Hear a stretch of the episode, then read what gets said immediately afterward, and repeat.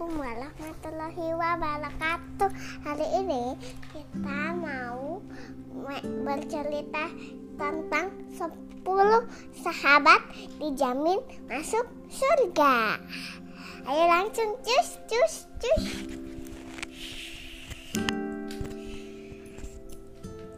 Oke.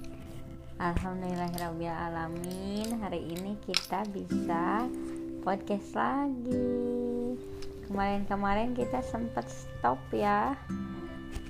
Karena kita ke Tasik. Terus papa adinya sakit. Sekarang juga masih sakit sih.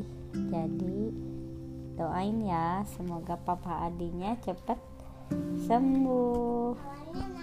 Dan Umay juga sakit ya teman Rere. Tadi nggak masuk sekolah Semoga cepat sembuh ya yang sedang sakit. Kita lanjutkan lagi cerita Seria 10 sahabat dijamin masuk surga.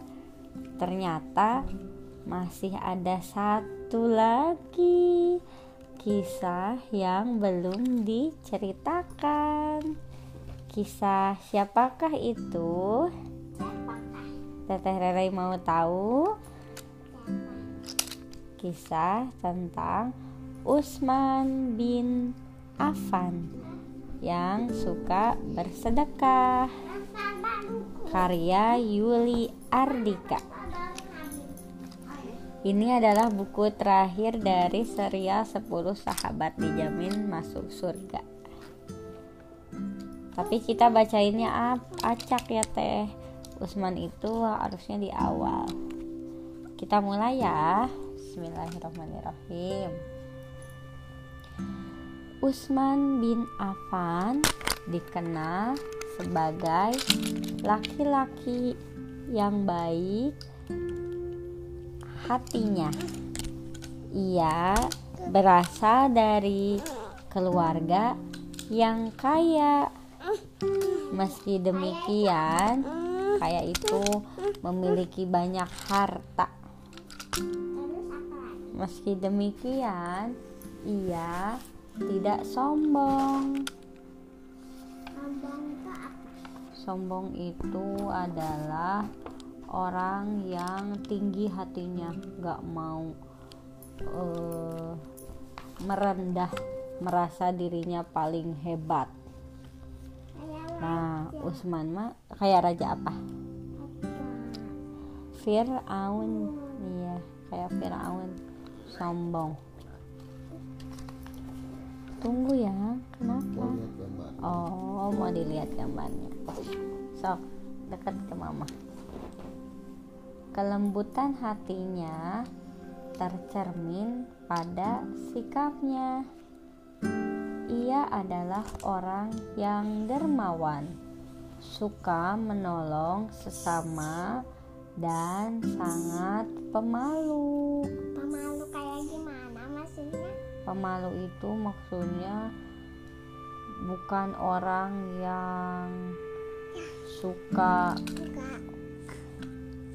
melakukan perbuatan yang kayak misalkan apa ya pemalunya Usman itu jadi lebih suka berdiam diri, tidak suka menonjol, tidak suka pamer harta.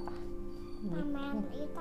Pamer itu memperlihatkan ini loh aku punya uang banyak, ini loh aku punya uh, emas yang banyak gitu. Tak Usman mah enggak, Usman mah diam aja enggak memperlihatkan itu kekayaannya. Suatu ketika Usman berkunjung ke rumah Nabi. Ketika Umar berkunjung, betis Nabi dibiarkan terbuka. Betis itu, betis itu ini yang ada di kaki. Ini nih. Ini paha, ini betis. Nah, Nabi Muhammad itu kakinya terbuka kaki ini betisnya saat Umar berkunjung ya jadi kelihatan kulitnya begitu Usman datang Nabi menutup betisnya dengan kain celananya. Setelah menyelesaikan keperluannya, Usman pulang. Aisyah pun bertanya, "Ya Rasulullah, mengapa saat Umar datang betismu terbuka, tapi saat Usman datang betismu kamu tutupi?" Karena Usman sangat pemalu, jawab Nabi. Jadi Nabi Muhammad menghormati Usman. Uh, ini adalah orang yang sedang membawa rumput. Dede tanya ya. Iya. Usman bin Affan adalah hartawan. Jumlah kekayaannya sangat melimpah. Meski demikian, ia tidak pelit.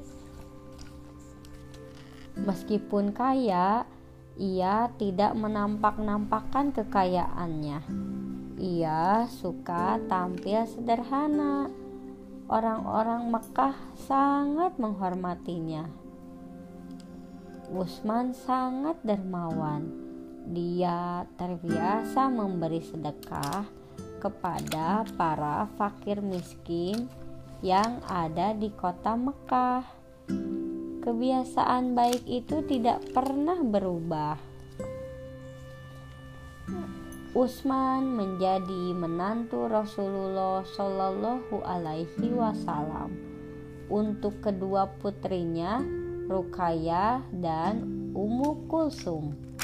Maka sebutannya adalah Zunnurain atau pemilik dua cahaya.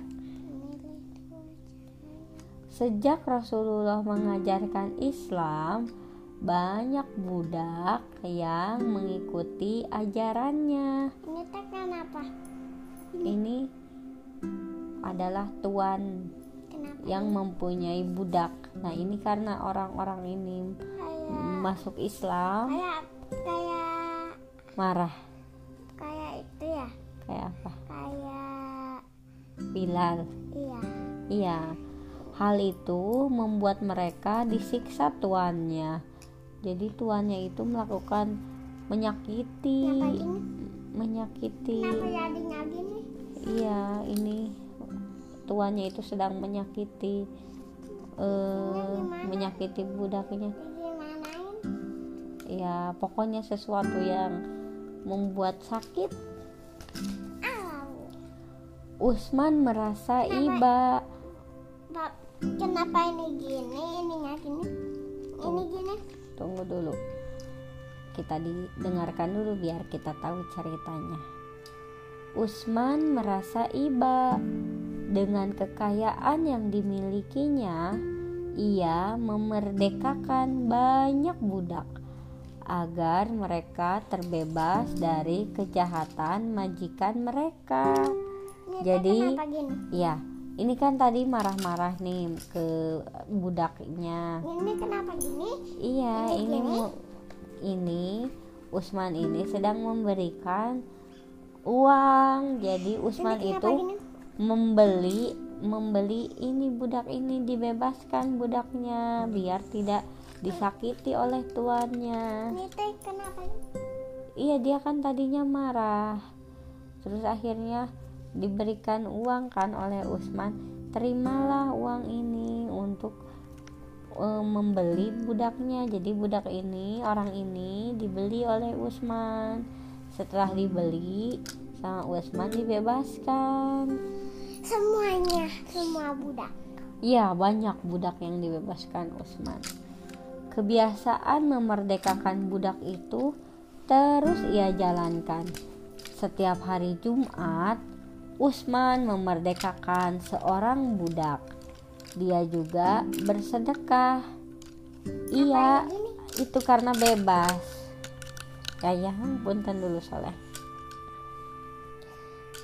Ia tak pernah merasa takut kehilangan uang untuk melakukannya. Tuh, jadi Usman itu Bil banyak memberi, banyak memberi kepada orang yang tidak mampu. Gimana kalau banyak? Enggak, takut karena Usman tahu kalau misalkan kita banyak bersedekah Allah akan membalas Terus apa lagi? Hal itu membuat Nabi memuji namanya. Usman disebut-sebut sebagai salah satu penghuni surga yang hidup di dunia. Suatu ketika Madinah sedang mengalami kekeringan. Air bersih sulit diperoleh. Umat Islam dan masyarakat Madinah harus antri untuk memperoleh air bersih. Tuh lihat, karena kekeringan orang-orang jadi nggak punya air. Akhirnya mereka harus antri untuk mendapatkan air bersih. Iya, kaum muhajirin terbiasa meminum air zam-zam. Di Madinah, air sumur yang rasanya seperti air zam-zam adalah air di sumur Raumah. Tapi sumur itu milik seorang Yahudi. Ketika kekeringan, Yahudi ini memperjualbelikan air. Ia menarik bayaran yang sangat tinggi kepada para muslimin. Hal itu membuat mereka resah. Usman, kenapa ya? Resah itu membuat mereka kebingungan. Jadi gimana ini harus membayar uang untuk membeli air kepada ini orang Yahudi ini. Yahudi itu apa? Yahudi itu agak bangsa, bangsa Yahudi. Hal itu membuat mereka resah. Usman berniat membeli sumur itu untuk menolong mereka. Si pemilik sumur awalnya enggan, tetapi setelah mendapatkan harga yang sangat tinggi dari Usman, akhirnya ia menyerahkan sumurnya. Usman menyerahkan sumur itu kepada kaum muslim agar dapat diambil airnya secara gratis. Jadi, sumurnya itu dibeli oleh Usman dengan harga yang sangat tinggi. Kemudian, oleh Usman diberikan kepada kaum muslim. Iya, dan tahu nggak Teteh, sumur ini masih ada loh sampai sekarang dan masih dimanfaatkan oleh orang-orang di sana. Hebat ya. Ini adalah sedekah Usman yang paling lama karena sampai sekarang masih dipakai. Masih ada sumur tapi Usmannya Usmannya udah meninggal. Iya, udah meninggal karena kan udah hidup dari lama. Sejak saat itu, kaum muhajirin dan masyarakat Madinah bersuka cita. Mereka dapat mengambil air sumur dengan gratis. Hingga hari ini, sumur peninggalan Utsman itu masih ada. Pada masa Khalifah Abu Bakar radhiyallahu anhu pernah terjadi paceklik. Pacek itu adalah musim gagal panen.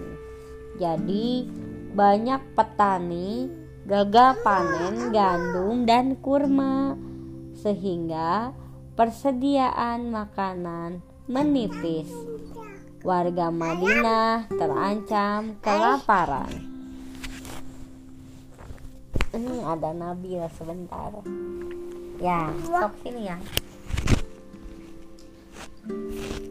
Dilanjutkan lagi ya. Barusan ada Nabil. Dede, Dede masih mau duduk di situ? Oh ya.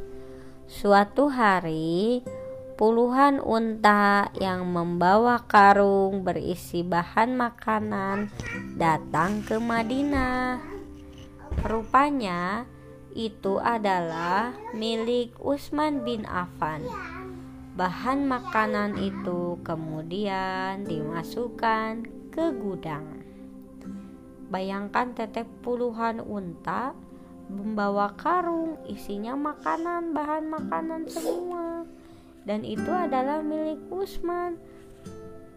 Baik banget ya Usman ya. Melihat hal itu, para pedagang Yahudi berdatangan. Mereka ingin memborong bahan makanan milik Usman.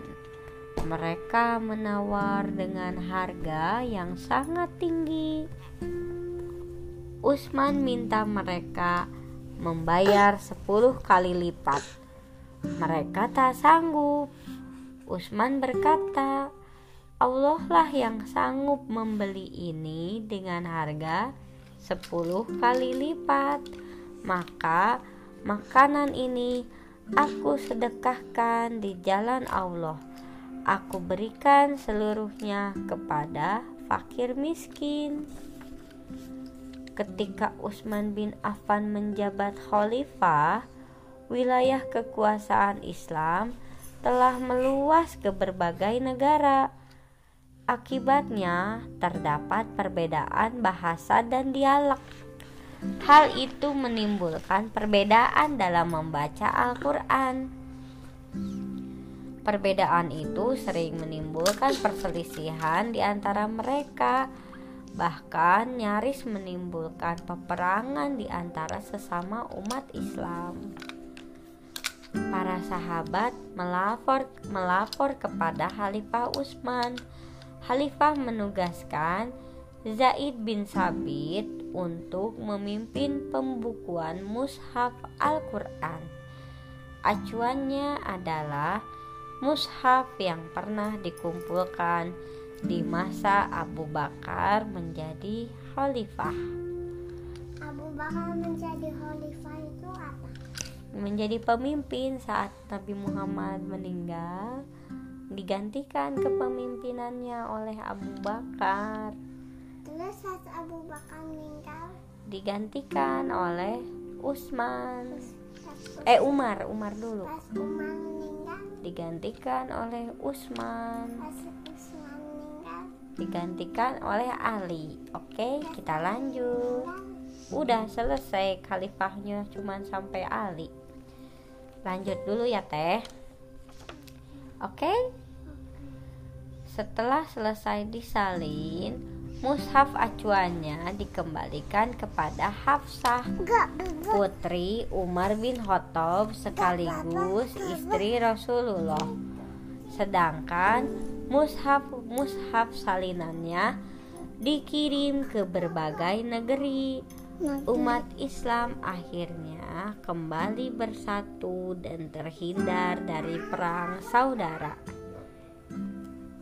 Mushaf itu kemudian menjadi acuan umat Islam dari masa ke masa hingga saat ini. Ini kayak sama buat bukunya. Ini Al-Qur'an teh. Jadi Al-Qur'annya itu sama semua ke negara-negara lain juga sama ini. Al-Qur'annya karena sudah dibukukan. Nah,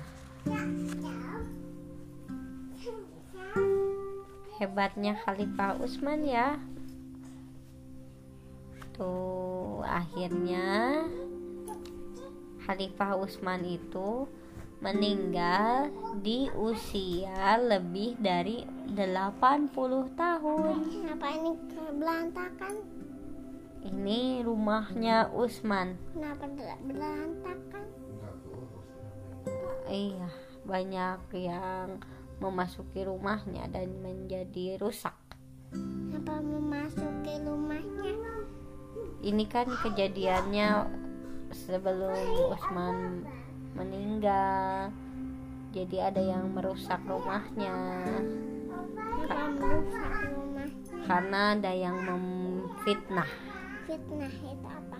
Memfitnah itu memberikan pernyataan yang palsu palsu kayak gimana maksudnya jadi berbohong jadi gimana maksudnya jadi ada yang mengadu domba dan mem- mem- membuat peperangan. Aduh itu apa?